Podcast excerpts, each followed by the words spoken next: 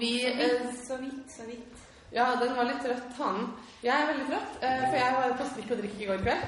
Og så etterpå så dro jeg hjem til søsteren min og, og strakk og drakk litt før der.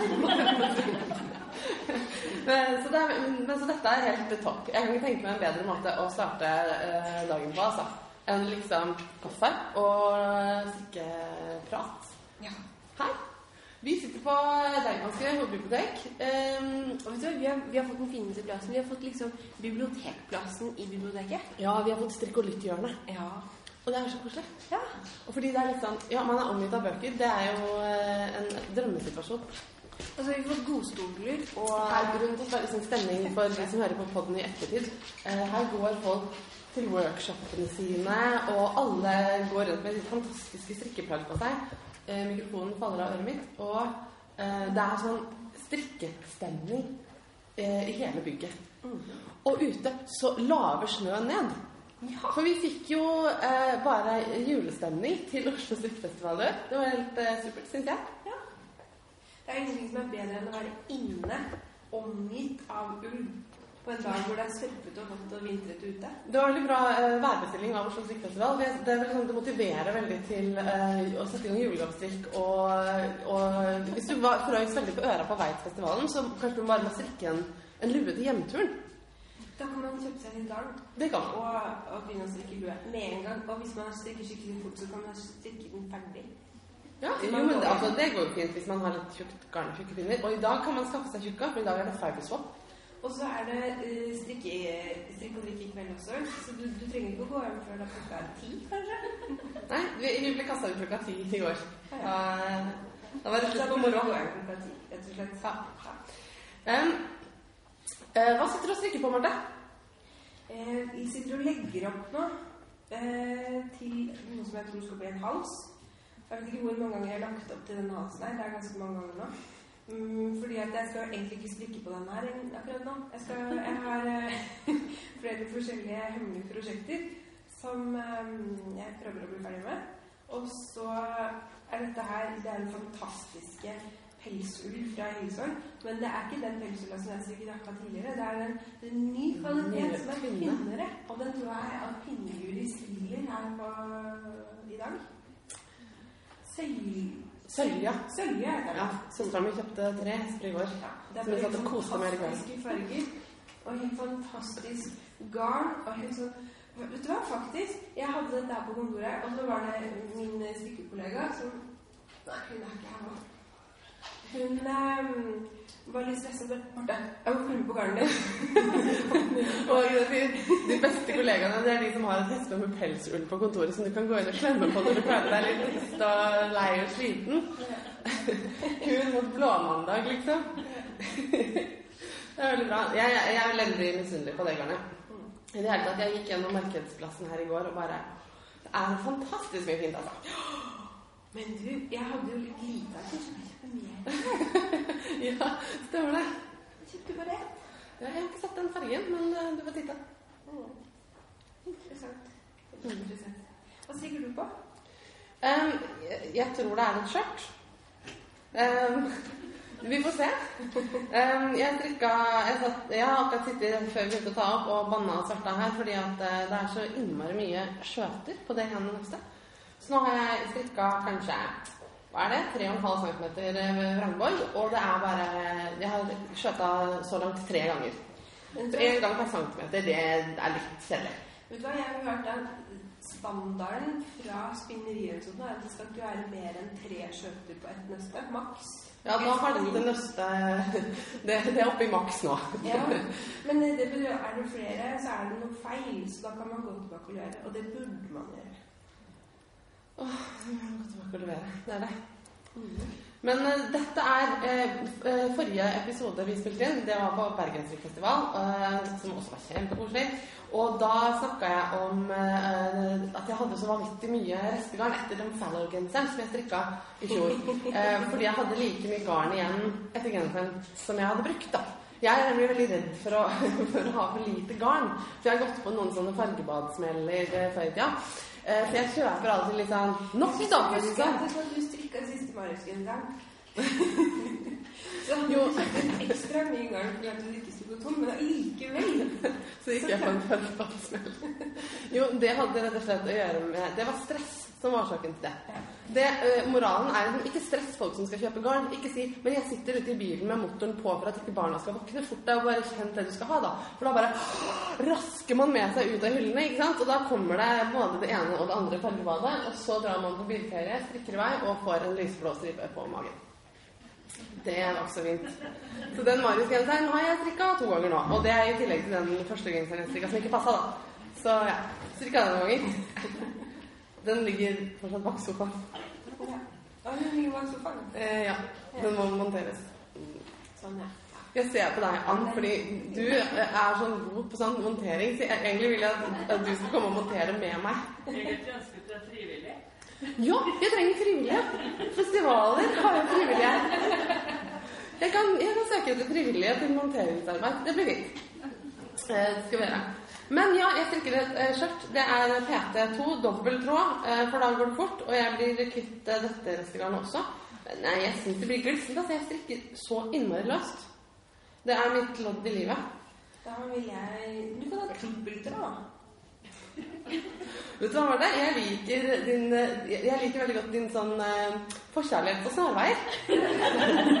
og det, det er faktisk veldig fint at du sa det, for vi skal snakke om snarveier eh, her i dag. Ah. Eh, men jeg har lyst til å si én ting først, eh, som, er veldig, som er veldig, veldig kult å kunne si. For når vi var på eh, i Bergen, det er for en eh, måneds tid siden, så eh, skrøt vi at vi hadde, hadde så mye følgere. For da hadde vi 5800 subscribers i iTunes. Og så sa vi å hadde ikke vært kult om vi kom over 6000 før jul. Og da må vi ha en giveaway og sånn, sa vi. Og så bare er vi over 7000. Siden Bergens da, og det er det største hoppet vi har gjort noen gang. Det er liksom 1000 men nye mennesker, eller nye klipp i hvert fall, da, på subscribe. På så kort Jeg skjønner ikke at det er mulig engang. Jeg tror noen har bestukket noen. Ja, men, altså, det, var ikke det som er skjedd. Jeg, jeg, jeg har tenkt på det. Jeg er jo i foreleser jo. Jeg har 180 studenter. Bare, det, er jo, noen kan bare si til dem at det er på pensum. Ja, det er de har ikke sagt det. Jeg har ikke gjort det. Vet Den mikrofonen her det er helt uholdbart. Det faller av. Kanskje vi tar ta på lua? Men altså, det er jeg må bare si at det er så utrolig hyggelig at det er så mange som faktisk har lyst til å høre på oss. Og Ja. høre på oss hver måned. Og derfor Det blir veldig, varm i hjertet. Ja. Nesten like varm som ull. Eh, så da tenkte vi at vi skulle liksom eh, Vi må jo gi litt, da. Siden det, folk gir så mye av seg sjæl. Ja. Så da eh, må vi gi litt av oss sjæl også. Det er jo egentlig det vi driver med når vi podder. Em, vi vil egentlig bare ha tips. Og den går ut til dere som er her på Oslo strikkefestival, og dere som hører podden i ettertid og sånn. Vi vil høre, Hva vil dere at vi skal snakke om? Hva, hva skal vi lage episoder om? Temaer dere syns er kule? Eh, skriv til oss på Facebook. Skriv til oss på Instagram. Eh, skriv til oss på e-post. Skriv til oss på en lapp. Send røyksignaler. Alle kanaler er åpne. Jeg mottar tresnitt. Eh, du kan stikke, stikke det. Ja. Det, det er mange muligheter. Eh, bare vi får det, og så velger vi ut de tipsene som vi syns er kulest. Og så, eh, for det første så lager vi denne episoden, eller så snakker vi om det. Og så for det andre så premierer vi litt. Ja. Vi vet ikke helt med hva ennå, men det blir noe fint. ja. Litt noe, noe litt varmt og ullent. Ja, siden det er så mange av dere, så må vi også plukke en del, tenker jeg. Ja, vi må, ja, ikke én men vi må gi bort litt ting. Det er så hyggelig å gi bort ting. Ja. Ja, så må vi få tak i noe å gi bort. Ja. Det skal vi. Altså, det skal vi fikse. Det skal vi absolutt fikse. Men, Men det blir liksom bra nå. Jeg ser for meg at vi må liksom i litt eh, Hva skal jeg si? Sånn eh, top of the pops. Ja, men 7000, det er verdt eh, Det er verdt top of the pops. Ja. Det er bra tall. 7000. Ja, men nå skal vi slutte å være så høye på oss sjøl og, og snakke litt om snarveier som vi er gode til. som er litt sånn påkrevet ja. noen ganger. Altså, jeg elsker snarveier. Men og, det, det jeg lærte for ganske lenge siden Jeg husker det var en stund i livet jeg ble veldig Lærte mye ting. Jeg var sikkert tenåring eller noe da. Og ble veldig sånn Har jeg lært et nytt ord? Nå skjønner jeg hva det ordet betyr. Eh, pragmatisk. som, også, som er en fin måte å si løsningsorientert på. Jeg er veldig glad i mennesker og ting som er løsningsorienterte. Og det prøver jeg også å være meg selv, da. Ehm, de siste ukene så har jeg jobba veldig intenst på et ganske stort prosjekt som jeg har snakka om før flere ganger. Jeg kjøpte garn før sommeren sånn at jeg skulle ha god tid og ikke stresse og være ute i siste liten. Eh, Det er en genser i litt stor størrelse med flerfargemønster som hele tiden flytter på seg. Det høres ut som man trenger litt tid. Ja, og det er ikke sånn typisk meg-prosjekt, men eh, det er et ledd i min strikkedannelse for å lære meg flerfargestrikk og lære meg å bli glad i deg. Og- Hvordan har det gått med tidsbruken, da? Ja, det, akkurat det har jeg ikke lært, for det, det tror jeg kanskje aldri kommer til å lære. Jeg, eh, jeg har kanskje sånn 15 cm igjen på bolen og armer og montering. Så skal jeg gi bort på mamma. Men, eh, Lykke til med det. men altså, det kom, eh, om det kommer til å sprute blod ut av fingrene mine, så skal jeg bli ferdig. Vet du, Den der eh, ringfingeren på venstrehånda mi, jeg mista følelsen i den. Og hvis jeg sitter og strikker lenge, så blir den sånn matt i et par dager etterpå. Men, men jeg skal bli ferdig. Og vet du hva Det- som, vet du hva som skjedde i går? Jeg skjønte at jeg er gift med en riktig person. Det var fantastisk. For jeg, jeg, jeg har visst det hele tiden. Men, eh, men jeg, jeg, hatt vondt i hånda. Jeg har fått så sykt vondt i hånda, sa jeg. Men Du, du er gift med Miriam. Miriam er søstera di. Ja, men det, det var Anna Anne. Å ja. Hun er gitt med. syns jeg sjekka være Eh, Men så jeg var hjemme, og så sa jeg at jeg hadde vondt i hånda. Og så vet du hva Anne sa? Vet du hva hun sa? Kanskje du har strikka for lite? Var ikke det vakkert sagt? Fordi, og jeg mener rett, fordi det hadde vært en sånn sykt stressende uke, så jeg har strikka ekstremt lite. Og så har jeg liksom eh, Jeg har vært på, på vei til steder hele tiden, så jeg har strikka veldig lite. Jeg bare jeg tror søren meg du har rett. Og strikka hele går. Mye bedre. Men sorry, det var en avsporing. Men takk, altså, Anne. Ja, det jeg skulle si om dette her rødfargestyret, er at det, det jeg har lært det er Jeg setter veldig pris på prosjekter som bare kan strikke og strikke uten at jeg måtte tenke så innmari mye hele tida. Eh, Jeg setter veldig pris på fine detaljer, og det kan jeg veldig gjerne bruke litt tid på. Men det er grenser. Åh.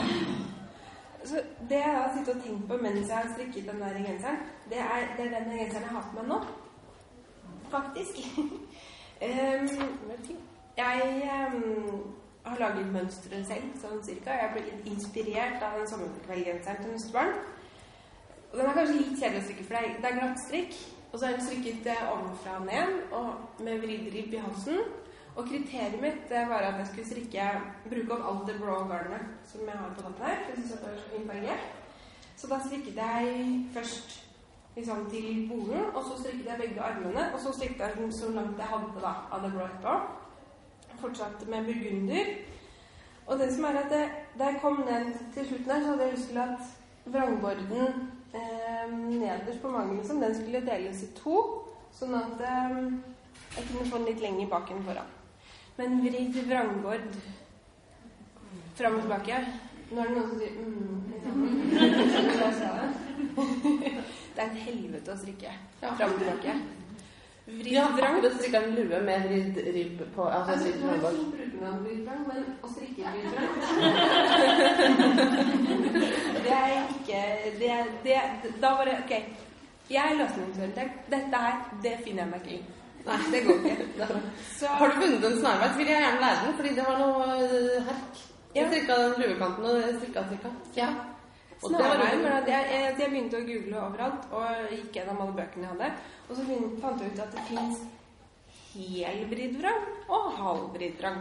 Men det fins også dobbel vriddvrang og enkel vriddvrang. Og det kommer da an på hvilken engelsk du snakker, har jeg funnet ut. Fordi at amerikanerne og engelskmennene er ikke blitt enige om hva som er hel og halv og dobbel og enkel. Og sånn. Nei, det er viktig å, å, å, passe på at, at det er sånne s- s- små forskjeller i språket, sånn at ingen eh, Så man kan bli maks ja. Sånn at man ikke forstår hverandre altfor godt. Ja. Irriterende. Før vi kom inn, så gikk jeg innom for å kjøpe litt lunsj, og da kjøpte jeg morgenbrød. Marte, eh, men, ja. Men det selger de faktisk helt på alvor i Danmark, og det gjorde de faktisk her oppe på St. Olavs plass òg. Men, eh, Ja. Nå, ok, det var ikke det jeg skulle si. Det jeg skulle si, var at den rangborden vi endte opp med, da, den er um, Den ser jo ut som dobbeltvridrang, men den er ikke det. Den er Altså, det er enkel eller halv det ettersom. Ehm, man strikker vridd på rettsida, og så strikker man bare vanlig ribb på vrangsida. Så du vrir egentlig bare flaskene på annenhver rad, da? På annenhver rad. Og når du stikker rundt, så vrir man jo på hver rad Ja. nødvendigvis. Men det som da er um...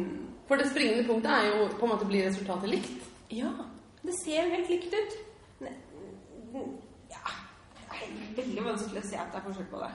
Når man har brukt den litt og det har strekt seg litt, og sånne ting, så ser det Særlig hvis du er sånn som meg, hvor kriteriet for om ting syns, er liksom Du syns ikke hvis du holder deg i bevegelse. Ja.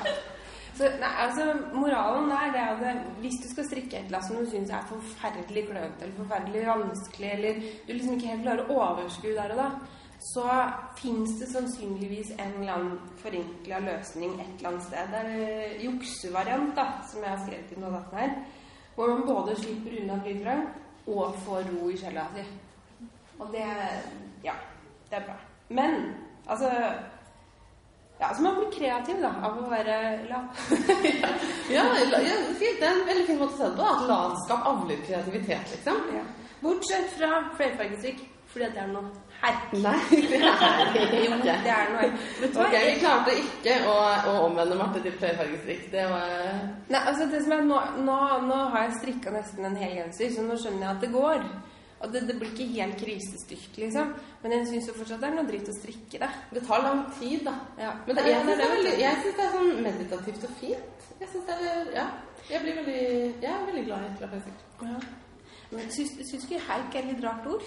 Har du noen gang tenkt på hvor det kommer fra? Uh, ja. Det har jeg nemlig. Har du- Jeg har slått opp i ordboka til og med. Og jeg syns det var litt artig resultat jeg fant. Ja. Ja, hark. Det, jeg trodde så tro, Kan jeg legge dere hvor det kommer fra? Tysk. Det kommer fra norrønt 'harki', som betyr skrap. Og det syns jeg passer perfekt. Ja. Og så står det der første betydning dårlig på bokmål. Og dette her er det som er morsomt, så at det er forskjell på betydningen på bokmål og nynorsk. Ok. Dårlig, på bokmål, første betydning. Dårlige saker, skrap. De gamle maskinene var bare herk. Ja. Eller noe plagsomt. Noe ordentlig herk. Ja. Og det har vi allerede brukt her nå. Ja. Ja. Eh, Betydning nummer to pakk pøbel. Hæ? Det har jeg aldri hørt. Du er en herk. Jeg har bare lue inne. Ja. På nynorsk derimot så har vi en litt mer utvida betydning. Der er det harki, skrot, eller herki, stakkar. Sammenhang med hark. Og det er dårlige saker, skrap, dårlig gjort arbeid. arbeid. Og det, det, det henger veldig godt sammen. Jeg tror de har tenkt på flerfargestrikk. Så når du sier at flerfargestrikk er noe her, så mener du bare egentlig at du gjør dårlig arbeid. Nå vrir du på det. Men, men det står noe plagsomt. Noe plagsomt, står det. Ishas er noe herk å. Det er helt riktig, det. Vridd eh, vrangbord er noe herk og strikka. Ja. Og så står det andre betydning. Pakk og ramp. Pakk og ram. Jeg synes Det som er artigst her, det er egentlig at pøbel Dette pøbel på bokmål og ramp på nynorsk. Ja. Så det var det. Det synes jeg Litt var etymologi inn der i Ja, ja, ja. Har du flere favorittsnarveier, eller? Sånn eh, Nå har du eh, vridd vridd- vridd. Ikke vridd rang, vridd ribb. Ja. Rangbord. Andre snarveier. Jeg trenger en snarvei. Jeg jeg satt lagde prøvelapp til dette skjørtet i går, og det er noe jeg syns er noe herk. Um, og da gjør jeg sånn at jeg em, strikker liksom kanskje to centimeter, og så lar jeg det bare henge på pinnen og måle. Sånn. Eh, og så regnet det Ok, da er det strikkefastheten. Så må jeg liksom to ganger, så bare ok, det er 13 her og 14 da, da sier vi 13,5. Um, og så eh, kjører vi. Og det, og det er jo en slags snarvei som, som viser seg å funke imot dårlig, da. Ja. For da blir det sånn her. Det blir en glisten. Ja. Fordi at jeg kanskje skulle hatt en størrelse mindre pinner da. Men eh, da begynte jeg å tenke på hvordan, hvordan maler man egentlig strikk Jeg synes det er, det er innmari vanskelig å måle ting man har strikka. Og når, du, når man skal liksom måle hvor langt det er fra uh, liksom ermehullet og ned til kanten, så blir det jo sånn eh, det blir jo sånn nære cirka, fordi at strikketøy er jo elastisk. Det er jo helt umulig liksom, Ok, nå er den 45 cm. Den kan jo alltid liksom være liksom, kanskje 43 eller 50. Altså, det, det, det jeg har lært som er den mest snarveide snarveien her, det er at det, du må ikke være optimist. Fordi at er sånn, Jeg er en tidsoptimist. Så, så jeg tenker at det, ja, det tar fem minutter å gå bort dit, men det tar, ikke det. det tar ti minutter å gå bort dit. Så da kommer jeg for seint. Men jeg er helt motsatt. Jeg tenker at det tar to timer å komme seg overalt. Ja, men på samme Ja, det kan du si. Men gjør du det når du strikker? Og jeg må jo tenke analogien her. Um, hvordan da at jeg, jeg stikker alt- Ja, jeg stikker alltid for langt. Ja. Ja. For, altså, når du skal måle Se for sånne ermer ned på fingertuppene og sånn. Ja. Jeg, har funnet ut at det, det beste når man skal måle, det er å prøve å være liksom realistisk og Nå kommer rett avgitt inn i vår podiinnspilling. så gøy. Hallo! gøy. Når du skal måle, så må du prøve å bare la det ligger så flatt som mulig, og strekke det så lite som mulig. Noen ganger så må man trekke litt i det for å få retta ut kanten og se hvordan den faktisk er, men det, du, du gjør deg selv en bjørnetjeneste. Jeg husker jeg hørte på en sånn eh, Husker du Nytt FM? Ja. Eh, Det var en sånn uh, audiopodkast med Hannah Fettig og Pam Allen. Og de hadde en eh, episode som handla om uh, strikkfasthet. Og da snakka de på en måte om liksom, disse prøvelappene, hvordan man måtte gjøre, og hvordan man skulle gjøre det man måler og sånn. Og man får jo ikke lov til å måle ikke sant, før du har strikka og felt av og vaska og tørka lappen. Jeg hørte på den episoden og bare ja, Dårligere og dårligere, dårligere selvbilde. Altså, det, var bare, det gikk rett ned. Det var sånn her Ok, så jeg kan ikke si det helt sant. Nei. For det jeg ikke tålmodighet Det ble litt voldsomt. Ja, det er helt enig. Liksom. Så snarveien der Og, er og så sa hun sånn Man må jo aldri finne på å liksom, måle på låret. Tror jeg hun sa. Og jeg bare ja. Fordi det er typisk. sant? Jeg legger det her, og så måler jeg. Ja. Men da tenker jeg da må man enten strikke lenger enn det du tror du må strikke. For jeg strikker i hvert fall alltid for kort. Så må man lære seg å kjenne seg selv, da.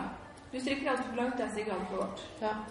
Og så må man tenke på hvis det er noe som er helt Det er noen ting som er umulig fordi det er så innmari elastisk. Så må man prøve å tenke at den kommer til å trekke seg litt sammen, og den kommer til å strekke seg den brukeren. Så hva vil jeg helst ha? Noe som er litt for kort eller litt for langt? ja. Man må være litt pragmatisk. Pragmatisk. Mm. Kult. Du sa også noe om eh, det som du sitter med eksempel på her, da, når du har en, eh, skal skjøtte inn en ny tråd. Ja. Du skulle jo tro at du fikk en monstermengde med løse ender og festeverk. Nei, for jeg strikker dem inn etter hvert. Det er jo eh, en slags snarvei, det òg. Det er ikke en snarvei sånn at man slipper å sitte og sy fast ender etterpå. Ja. Og det gjør folk på mange forskjellige måter. Eh, men jeg gjør sånn at jeg bare tar de to endene, og så bøyer jeg dem rundt hverandre, sånn at jeg strikker med liksom dobbel en stund. ja. Men du, det visste ikke jeg at man skulle gjøre, og det har jeg aldri gjort. Og så hørte jeg at du sa det for en stund siden, og det har jeg tenkt veldig mye på. Må man tvinne dem, på en måte? Men jeg tvinner dem ikke, jeg bretter dem rundt hverandre. Ja. Altså, jeg har to ender, og så gjør jeg sånn at jeg huker dem rundt hverandre som en krok, ikke sant? ja. Ja, men da, fordi da strikker du jo begge endene fast. Men må man gjøre det? For det jeg gjør, jeg legger de bare parallelt med hverandre, og så oh, ja. strikker jeg videre. Nå er det flere en nikker, faktisk. Det har jeg aldri prøvd. Jeg bare føler at når de, når de har sånn hake, da sitter de i Ja. Men jeg jeg prøvde å gjøre det, og da satt jeg det så ut som jeg aldri hadde tatt opp et strikketøy før. For er bare, jeg bare mista alt hele tiden. Jeg klarte ikke å holde trådene Det syns ikke sånn. Nei, det syns jo ikke. Okay, men Og da så er får du bare sånne små knusk som henger på innsiden, som du bare kan klippe av. Og så Det er nesten min beste, det aller beste jeg vet med strikketøy. Når jeg er ferdig, og så bringer jeg den ut, og så er det masse løse ender. Så det jeg bare klippe av. Ja. Og så bare klipper jeg. Sånn, og så bare Det er nesten litt sånn ha-ha-ha. Du trodde at jeg skulle sitte og feste? Nei da. Yes. Ja, øh, øh, har du flere bra snarveier, sånn øh, spontant? Jeg har ikke Jeg vet ikke. Jeg føler at jeg er en sånn snarveiperson egentlig. Ja. Altså. Jo, eh, det lærte jeg av eh, Elisabeth Baab, da. Hun strikker masse flerfargestrikk. Og jeg satt der og telte og telte og telte, og telte meg i hjel. Og det var sånn Uansett hvor mange ganger jeg telte meg gjennom antall masker på polen, så fikk jeg forskjellige tall. Og så sa hun Jeg pleier å sette en markør for hver hundrede maske, jeg. Innmari smart du òg. Når jeg teller, så pleier jeg faktisk å sitte med masse sånne små eh, sånne billige plastmarkører som man kan huke inn og ut. Og så setter jeg på for hver 20. Så teller jeg bare til 20 om gangen. Fordi at erfaringsmessig så er det sånn at jeg har valget mellom å gjøre det én gang eller å telle alle maskene liksom 75 ganger. Fordi jeg, jeg kan tydeligvis ikke telle så veldig bra. Eh, jeg, jeg trodde at jeg kunne telle, men det viser seg at det kan jeg ikke. Nei. Og også når man strikker da mønster som skal gå opp, og som, særlig der hjemme Nei, unnskyld. Det mønsteret som flytter på seg hele tiden, som jeg er ganske sur på fordi det driver og flytter på seg hele tiden, Ja. så er det greit å vite hvor midten er og armhuler og sånn. Og det jeg oppdaga etter å ha strikka hele veien opp, det er at jeg hadde forskjøvet alt med én maske eller to. Ja. Så det var innmari pes. Jeg måtte pelle til armhulen og sånn. Men det ordna seg. Markører, Marte. Du har en sånn derre stæsjaversjon, ikke. stæsj-aversjon, altså. Du må eh, embrace the markør. Ja. Jeg burde, jeg, en ting jeg har funnet at jeg burde embrace, apropos den lua med vridd vrangborg, er at eh, jeg må bare skjønne at jeg må gå opp en hel pinnestørrelse når jeg strikker flerfargestrikk. En hel, ikke en halv. Fordi det, jeg strikker vanvittig mye strammere med flere farger. Eh, sånn at jeg har fått sånn lue som, som på en måte har en sånn skjørt. Fin lue ned til hit, og så står liksom vrangborgen liksom ut som et lite skjørt. Og det som er problemet, er at den er dobbel, sånn at det er ikke så lett å bare sy den inn heller. For jeg pleier da bare å sy bare brette den rundt seg selv og lage en liten klump bak. Eh, men hvis jeg gjør det her, så blir det liksom fire lag stoff. Så jeg har vært sånn, hva skal jeg gjøre? Skal jeg, skal jeg klippe? Vet du hva? Ja, jeg vet at jeg burde strikke en ny ribbekant, men jeg kommer ikke til å gjøre det. Det, men du, det er faktisk et godt tips også. At hvis du har strikket genser nedenfra opp, og den ble for kort Jeg husker dette her hørte jeg eh, i en strikkebutikk sånn litt tidlig i min strikkekarriere. Og så tenkte jeg Gud, hun er gal. Men, men det er faktisk godt poeng, altså. Hvis den blir for kort, så går det an å fylle opp en, en rad glatt strikk nederst, og så ta av hele vrangborden. Og så strikke på litt mer, og, sånn. og da slipper du å ta av hele genseren. Ja, men den Ja. ja. Jeg, jeg hører deg. Jeg, jeg hører deg. Jeg sier, hva- jeg sier ikke mer. Ikke enig med. Eh, Jeg er, sikkert, jeg er på en måte enig også, men det, jeg kommer ikke til å strikke den vrangborden en gang til. Da kommer det ikke til å bli noe hatt. Så jeg må finne en eh, Det heter ikke hatt på norsk, det er engelsk. Hat. Det blir noe lue. Um, men, så det, det eneste løsningen, det er å finne en annen løsning. Eh, så jeg må se jeg Kanskje jeg må bare klippe. Men du da kan dette bli en sånn Altså, jeg kan klippe en sånn liten sånn hakk. Ja. Jo, det er, det er et annet punkt. Det man strikker, det blir jo et plagg. Så Ja.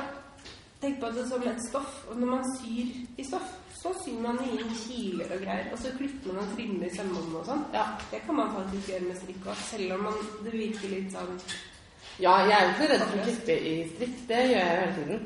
Um, det, det må man jo gjøre hvis man ikke gidder å tenke på forhånd, for eksempel.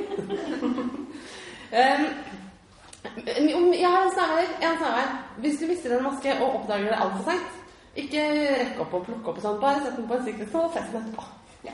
Det er litt Det det er sant. Noen strikketøy som jeg har, de har flere sikkerhetsknaller. Det er ikke så farlig. Det syns ikke etterpå hvis du holder deg i bevegelse. Nå høres det Jeg føler at denne episoden her Det er veldig tidlig om morgenen. Jeg føler at, at denne podcast-episoden er som om vi hører det sånn fullstendig sånn her ut. At vi bare egentlig ikke egentlig ikke strikker. Prøver å finne snarere for å unngå å gjøre det hele tiden. Pragmatiske. Ja. ja og så er vi sånn eh, Vi er ikke prinsessestrikkere, kanskje? Nei. Nei. Nei. Vi vil ha den genseren. Ja. Det er sant. Det er et godt poeng, faktisk. Ja. Men altså uansett hvor, hvorfor man strikker, da, om man, har om man er veldig glad i selve bevegelsen å sitte og strikke, eller den aktiviteten der, eller om man har lyst på plagg man er ferdig med etterpå, så kan det være greit for liksom, sjelefreden å ha noen eh, triks. Og da er jo sånn festivaler og sånt som dette veldig bra. Jeg føler at det er, eh, det er på sånne arenaer som her at man lærer nye sånne triks. Eh, fordi at man går rundt hele tiden og strikker, og sitter sammen med folk som strikker, og snakker med folk om strikking, og er på workshops og bare suger lærdom til seg hele tiden.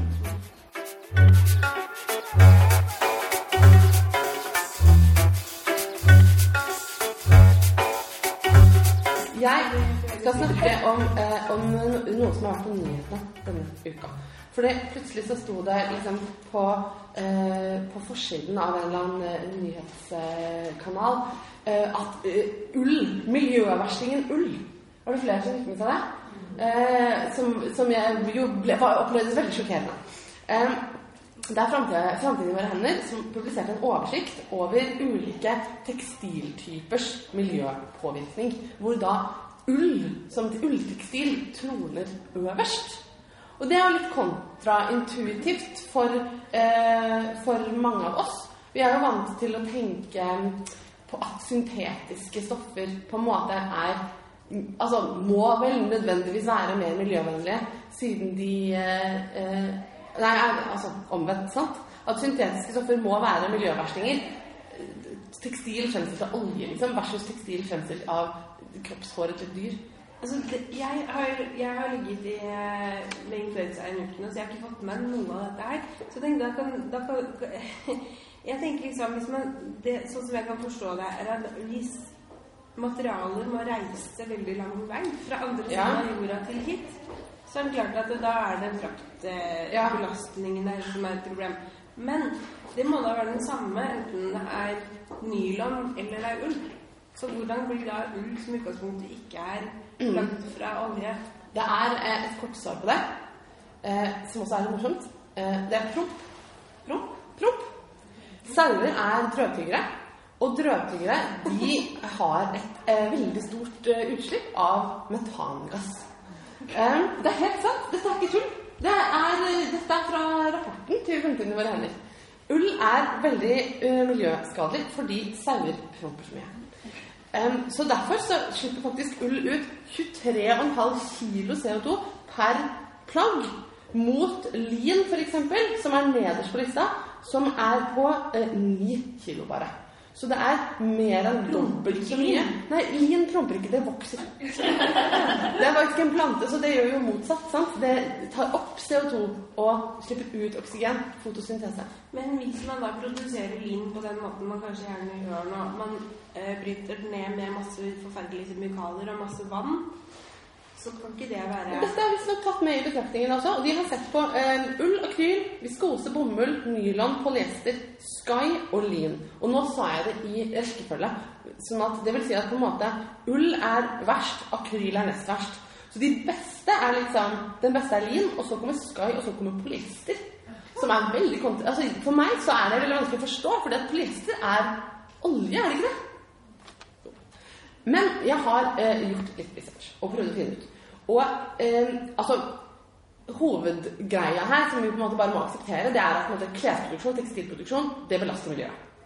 Det, det gjør det jo. Det vet vi at det gjør. Så eh, den, det beste man kan gjøre for miljøet, det er jo å, å kjøpe mindre klær.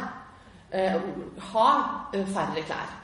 Og da bare kan jeg jo allerede si at da tenker jeg at det er ganske smart å ha en del ullklær da, hvis man skal ha færre klær. fordi at eh, du trenger ikke vaske ull så ofte og sånne ting. Um, men så er det dette her med promp uh, og drøvtygging uh, som er liksom hovedgrunnen til at, eh, miljø, eh, nei, til at ull er så eh, miljøskadelig. Og så I tillegg så kommer sånne andre ting som følger med husdyrhold. Uh, Fôrproduksjon, eh, sprøyting av, eh, av høyet som sauene skal spise og sånn. Og så er det sånn farging og kjemikalier og sånt som brukes eh, under liksom foredlingen av råvaren. Ikke sant? Alt dette er tatt med i betraktningen i den undersøkelsen. Um, og så påpeker våre hender at ull er blant de minst slitesterke fiberne. Og derfor så blir de ofte i plagg kombinert med syntetfibre. Og det finnes jo en del sånn uh, ullundertøy og sånn som, som har en liten prosentandel Ok, ok, ok. Kan du bare liksom, kan dere se på meg nå? Liksom, jenta med tinntallerkenøyne eller noe. Jeg er sjokkert. Slitt, lite slitsomt. Jeg- ja. Klart, hvis du går på uspunnet merino, baby-merino-ull på asfalt, så sliter du kanskje i løpet av en dag. Men eh, hvor mange er det som har en kofte som man har arvet etter en lang, langt bak Ja. i familien? Det handler om hvordan man tar vare på det, ikke sant? Eh, men det neste punktet, det siste punktet på lista mi her, er det at det meste av den ulla som brukes i klær på det norske markedet, den kommer fra merinosau i New Zealand eller Australia. Og da kommer reiseaspektet inn også. ikke sant? Det er ull som har reist veldig langt. Og det er merinoull, for det er det folk liker å ha tett på kroppen. Og det er jo ikke spesielt slitsterkt, fordi det er så mykt. Um, og med, hvis man skal ha det slitsterkt, så blander man det gjerne med polyester.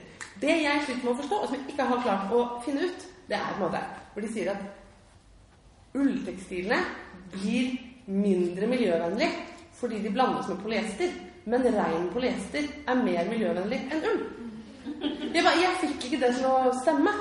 Og så har jo Ingunn Grimstad Klepp og Tone Skårdal Tobiasson, som er eh, disse forfatterne av den, min yndlingsbok nesten, 'Ren ull', og uh, som jobber med uh, ullprosjekt om å på en måte styrke ullas stilling i, i Norge, status, ullas status. De har reagert på det, og de har krangla litt med Fremtiden våre hender på nett, og mener at Fremtiden våre hender far med tøys og tull om ull. For de, for de, mener da på en måte ting som, som, vi har nevnt nå, ikke er tatt med i betraktning. F.eks. det at um, ull trenger ikke å vaskes like ofte fordi at uh, ull har en sånn iboende kvalitet at man kan lufte, og så oppleves det som reint. Og ulla har så mange andre fantastiske egenskaper også, som gjør at f.eks. så trenger man færre Man trenger jo ha på seg færre plagg for å holde varmen hvis man går med ull, enn hvis man eh, går med f.eks. bomull eller, eller, syntetiske plagg hvor du må eh, ha flere lag for å holde varmen i skikkelig kulde. Jo, og så må du Unnskyld avbrøt deg, men Nei, må jo, jeg, jeg kjenner jeg blir litt provosert over det. For skal vi liksom slutte å ha sauer? Er det det som er poenget? Kanskje poenget er at vi skal ha litt færre sauer? At måten de driver sauehold på i Australia, kanskje ikke er bærekraftig? Men i Norge så vet vi at vi egentlig trenger flere sauer. Altså, Vi har jo et problem med overskoging. ikke sant? Eh, at det er ikke nok beitedyr lenger. Så småskauen det gror jo igjen. Vi har ikke, For å vedlikeholde kulturlandskapet så burde vi ha flere sauer som går og beiter. Ja, og så tenker jeg det med sauehold i Norge. Jeg tror at de går ute og spiser gress og som du sier, busker og det som er kanskje ikke så mye busker, men gress i hvert fall. Og de er der jo uansett. Og så er ulla et eh, sånn bonusprodukt, holdt jeg på å si. Ja. Det må, det må, jo være bedre det enn at man produserer eh, materiale ut ifra noe som i utgangspunktet ikke var der. Ja, jeg syns det er veldig veldig vanskelig å forstå. Um, så lurer jeg på Når de sier at, at alle ting er tatt med i betraktning, har de tatt med liksom, sånne ting som oljeboring? Ja. For polyester de kan jo umulig ha gjort det. De kan jo ikke ha telt med liksom, utslippene fra oljeboring. Men du er nødt til å bore etter olje for å kunne lage polyester. Um, ja. Men, og vi nordmenn er jo veldig, veldig glad i ull. Og som, som mamma så blir jeg sjokkert hver gang, gang på gang når jeg ø, oppdager at folk i andre land ikke har ull rett på huden til ungene sine fra oktober til april. Jeg vet Hvordan overlever barn i andre land? Det er jo ikke så himla mye varmere i England, liksom. Et par grader. Men der går ungene rundt uten ull rett på huden. Galskap. Galskap. Eh, men fordi mitt neste spørsmål egentlig er jo eh, hva har dette å si for strikkingen? Fordi alt det vi har snakket om nå, er jo ulltekstil. Mens eh, vi, vi, kjøper jo ikke tekstil, vi kjøper jo garn. Ja. Og eh, eh, dessverre så er det sånn at fremstilling av garn også belaster miljøet. Det er jo, Jeg beklager å være en partypooper på festival, men eh, det er, det er jo dessverre sånn. Men det er et men, heldigvis. Um, og det er at i Norge så har vi en helt eksepsjonelt god hundproduksjon. Mm. Uh, fordi uh, altså, Og da snakker jeg om den ulla som er uh, som er klipt av sauen og spunnet til garn i Norge. Ja. Altså, jeg vet, det er jo for det er jo ikke sant sau, norske sauer promper mindre enn andre. Eh, men eh, jeg vet i hvert fall at vi har en, en eh, relativt stor andel av norske sauebønder har sauene sine gående ute hele året. Og da får du færre eh, utslippsgreier fra sånn fjøs og sauehold. Og så spiser de veldig mye gress og sånn, og da trenger de ikke så mye kraftfôr. Og så er det veldig mange sauegårder som er økologiske, eller i hvert fall driver ganske sprøytefritt. Um, og så er det sånn i Norge at man norsk ull, All norsk ull har fått økologimerking. Ja, det er kult. Og de har blitt merka All norsk ull er også merka med noe som heter Cradle Cradle. Ja. Som jeg ikke kjente så godt til før, men som jeg har lest litt om nå. Som uh, kom i stand i høsten 2013. 2013 ikke 2030, det har vi ikke kommet til ennå. Men det er en merkeordning da, som ser på veld, veldig mange aspekter viktig ved ulla. Det ser på eh, ressursbruk, materialesyklus, altså om man kan gjenvinne materialet. For det er også et poeng at måte, ull kan du kaste i komposten hvis det er rein ull som ikke er behandla med så mye. Um, mens polyester, det er ikke like nedbrytbart, ikke sant? Eh, og så ser den merkeordningen på eh, økologisk mangfold, kjemikalier i eh, bruksprosessen, og også på dyrevelferd, som jeg syns er ganske viktig.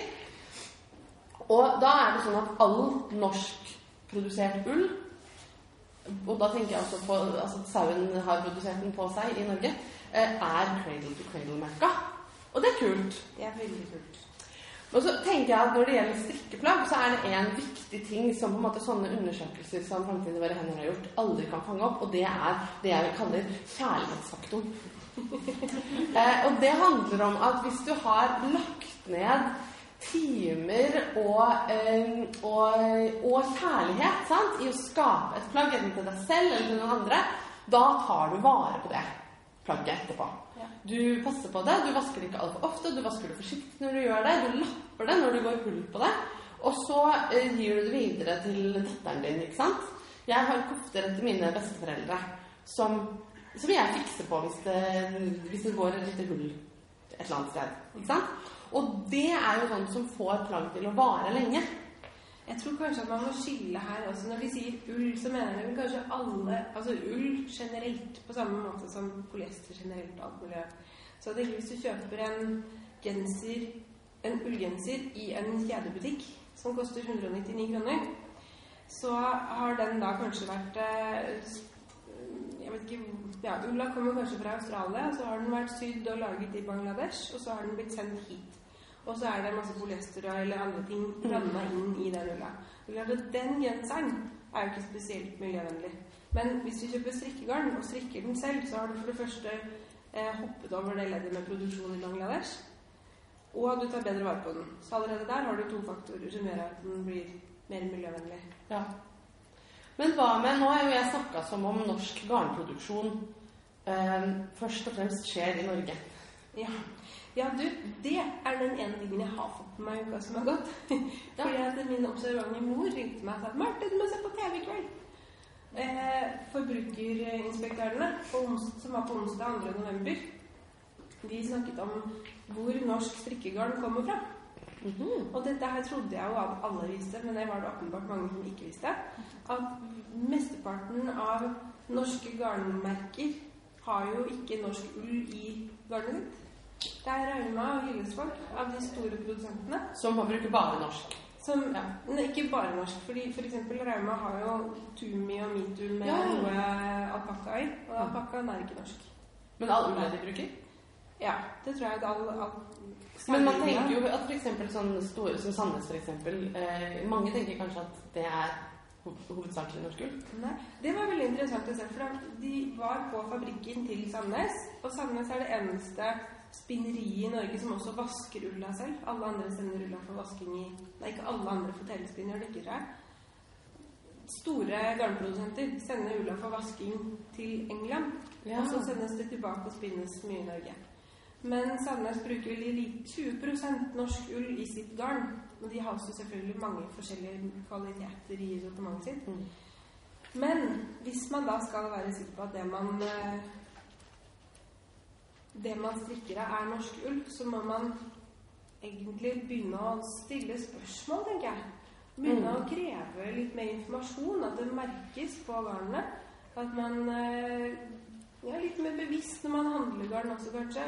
Hvis du skal ha rein ull, lammeull eller noe sånt, at du faktisk kjøper da fra Rauma eller fra Hillesvåg eller en annen mindre produsent mm. som har norsk ull i garnet sitt. Eller sjekker på en måte Det fins jo jeg tenker at Det finnes jo ull som ikke er norsk ull, som man også kan kjøpe med god samvittighet. Det handler noe om å ha, være interessert i og opptatt av hvor det kommer fra, og hva som har skjedd med det fiberet fra det satt på sauen til du har det i hånda. Og kanskje tenke at det skal være kult om det har reist kortest mulig og blitt minst mulig eh, dynka i sånne ting som plastikk og kjemikalier. Um, ja, kjemikalier er så teit ord. Men uh, alt er kjemikalier. Men uh, du skjønner hva jeg mener. Altså min konklusjon. For eksempel. Ja. Um, og så er det jo forskjellige måter å farge på og sånn òg. men min konklusjon da er eh, strikk med god samvittighet. Men vær opptatt av hvor garn kommer fra. Vær opptatt av produksjon og produksjonsmetoder. Og så ikke sløs. Altså strikk, eh, strikk fine ting. Og hvis ikke det blir fint, så rekk det opp og strikk noe fint istedenfor det du strikka som ikke ble fint. Og liksom, Vær glad i garnet. Vern om ulla. Fordi det er jo det viktigste, at vi på en måte bruker ressursene på en klok måte. Og pass på plagga du strikker. Og kjøp norsk ull. Kjøp fra eh, små produsenter og folk som gjør ting på en ordentlig måte. Eh, eventuelt skaff deg sauespinn sjøl. Hvis alle gjør det, så blir det veldig miljøvennlig. Men sånn, de promper jo så fælt. Så det er jo um, Du må deale med det likevel, liksom. Altså, Du tenkte kanskje at du var skikkelig miljøvennlig som flytta opp i skogen og bodde på gård og sånn. Men du er jo skikkelig miljøversting. Du som Sitter der oppe i saueprompen, ja. Nei da, vet du hva, jeg har ingen illusjoner om at det gjør meg mer miljøvennlig enn andre mennesker å bo i skogen. Det, eh, jeg må f.eks. drive og kjøre bil hele tiden for å komme dit hvor andre mennesker er. Men eh, sånn er, sånn er det. Man må velge. Ja. Men det, det, jeg, bare vil si sånn helt på tampen, det er at jeg syns det var fantastisk at NRK, som Ja. rikskringkasteren vår, satte fokus på dette her. Og dessverre, da, i det programmet begynte å bli interessant, for vi hadde hatt et lite intervju med Ingunn Grimstad Klepp, og de hadde vært på fabrikken i Sandnes og virkelig satt fått varma opp og kommet i gang med det som er veldig spennende. Da var programmet over. Ja. Så Du vil egentlig ha en serie, du. Ja! Det vil jeg faktisk. Ja. Kjære. Kanskje Vi kan, vi kan hoste. Ja. Ja, bra. Um, vi har, eh, som vi pleier, eh, ikke hatt eh, spesielt store problemer med å klare å skravle i nesten en time. Uh, så vi skal ikke snakke så mye mer. Uh, men vi skal være her på festivalen. Vi skal ha workshop-dag. Ja. Det gleder jeg meg til. Ja. Vi skal lære bort sokkestrikking uten mønster. Eh, og det Jeg jobba med workshopen. Den blir ganske kul. Så det syns jeg at andre som ikke får være med i dag, så synes jeg eh, vi må gjøre det igjen. Ja. Uh, ja. Fordi jeg syns folk ofte liksom faller inn i én av to kategorier. Enten så syns- er folk sånn uh, Sokker det er kjempelett å strikke. Det var det første jeg lærte å strikke. Eller så er det sånn Sokker er dritvanskelig. Kan ikke strikke sokker fordi det er hæl på dem. Og hvordan man skal ha forholde seg til det. Jeg syns tær er vanskeligere. Tær òg. Det er ikke vanskelig, men altså ja. Ja. Nei, men eh, jeg har fokus på herdetær. Det er veldig morsomt, for jeg har, eh, jeg skulle tatt med. Jeg har strikka som prøve til, eh, til workshopen, så jeg har strikka bare herdetær. Og det ser ganske morsomt ut når man har på seg en hel uten sokk. Eh, man har sånn bare hæl og bare tå. Ja, du vet, Har du sett sånn yogasokker? ja.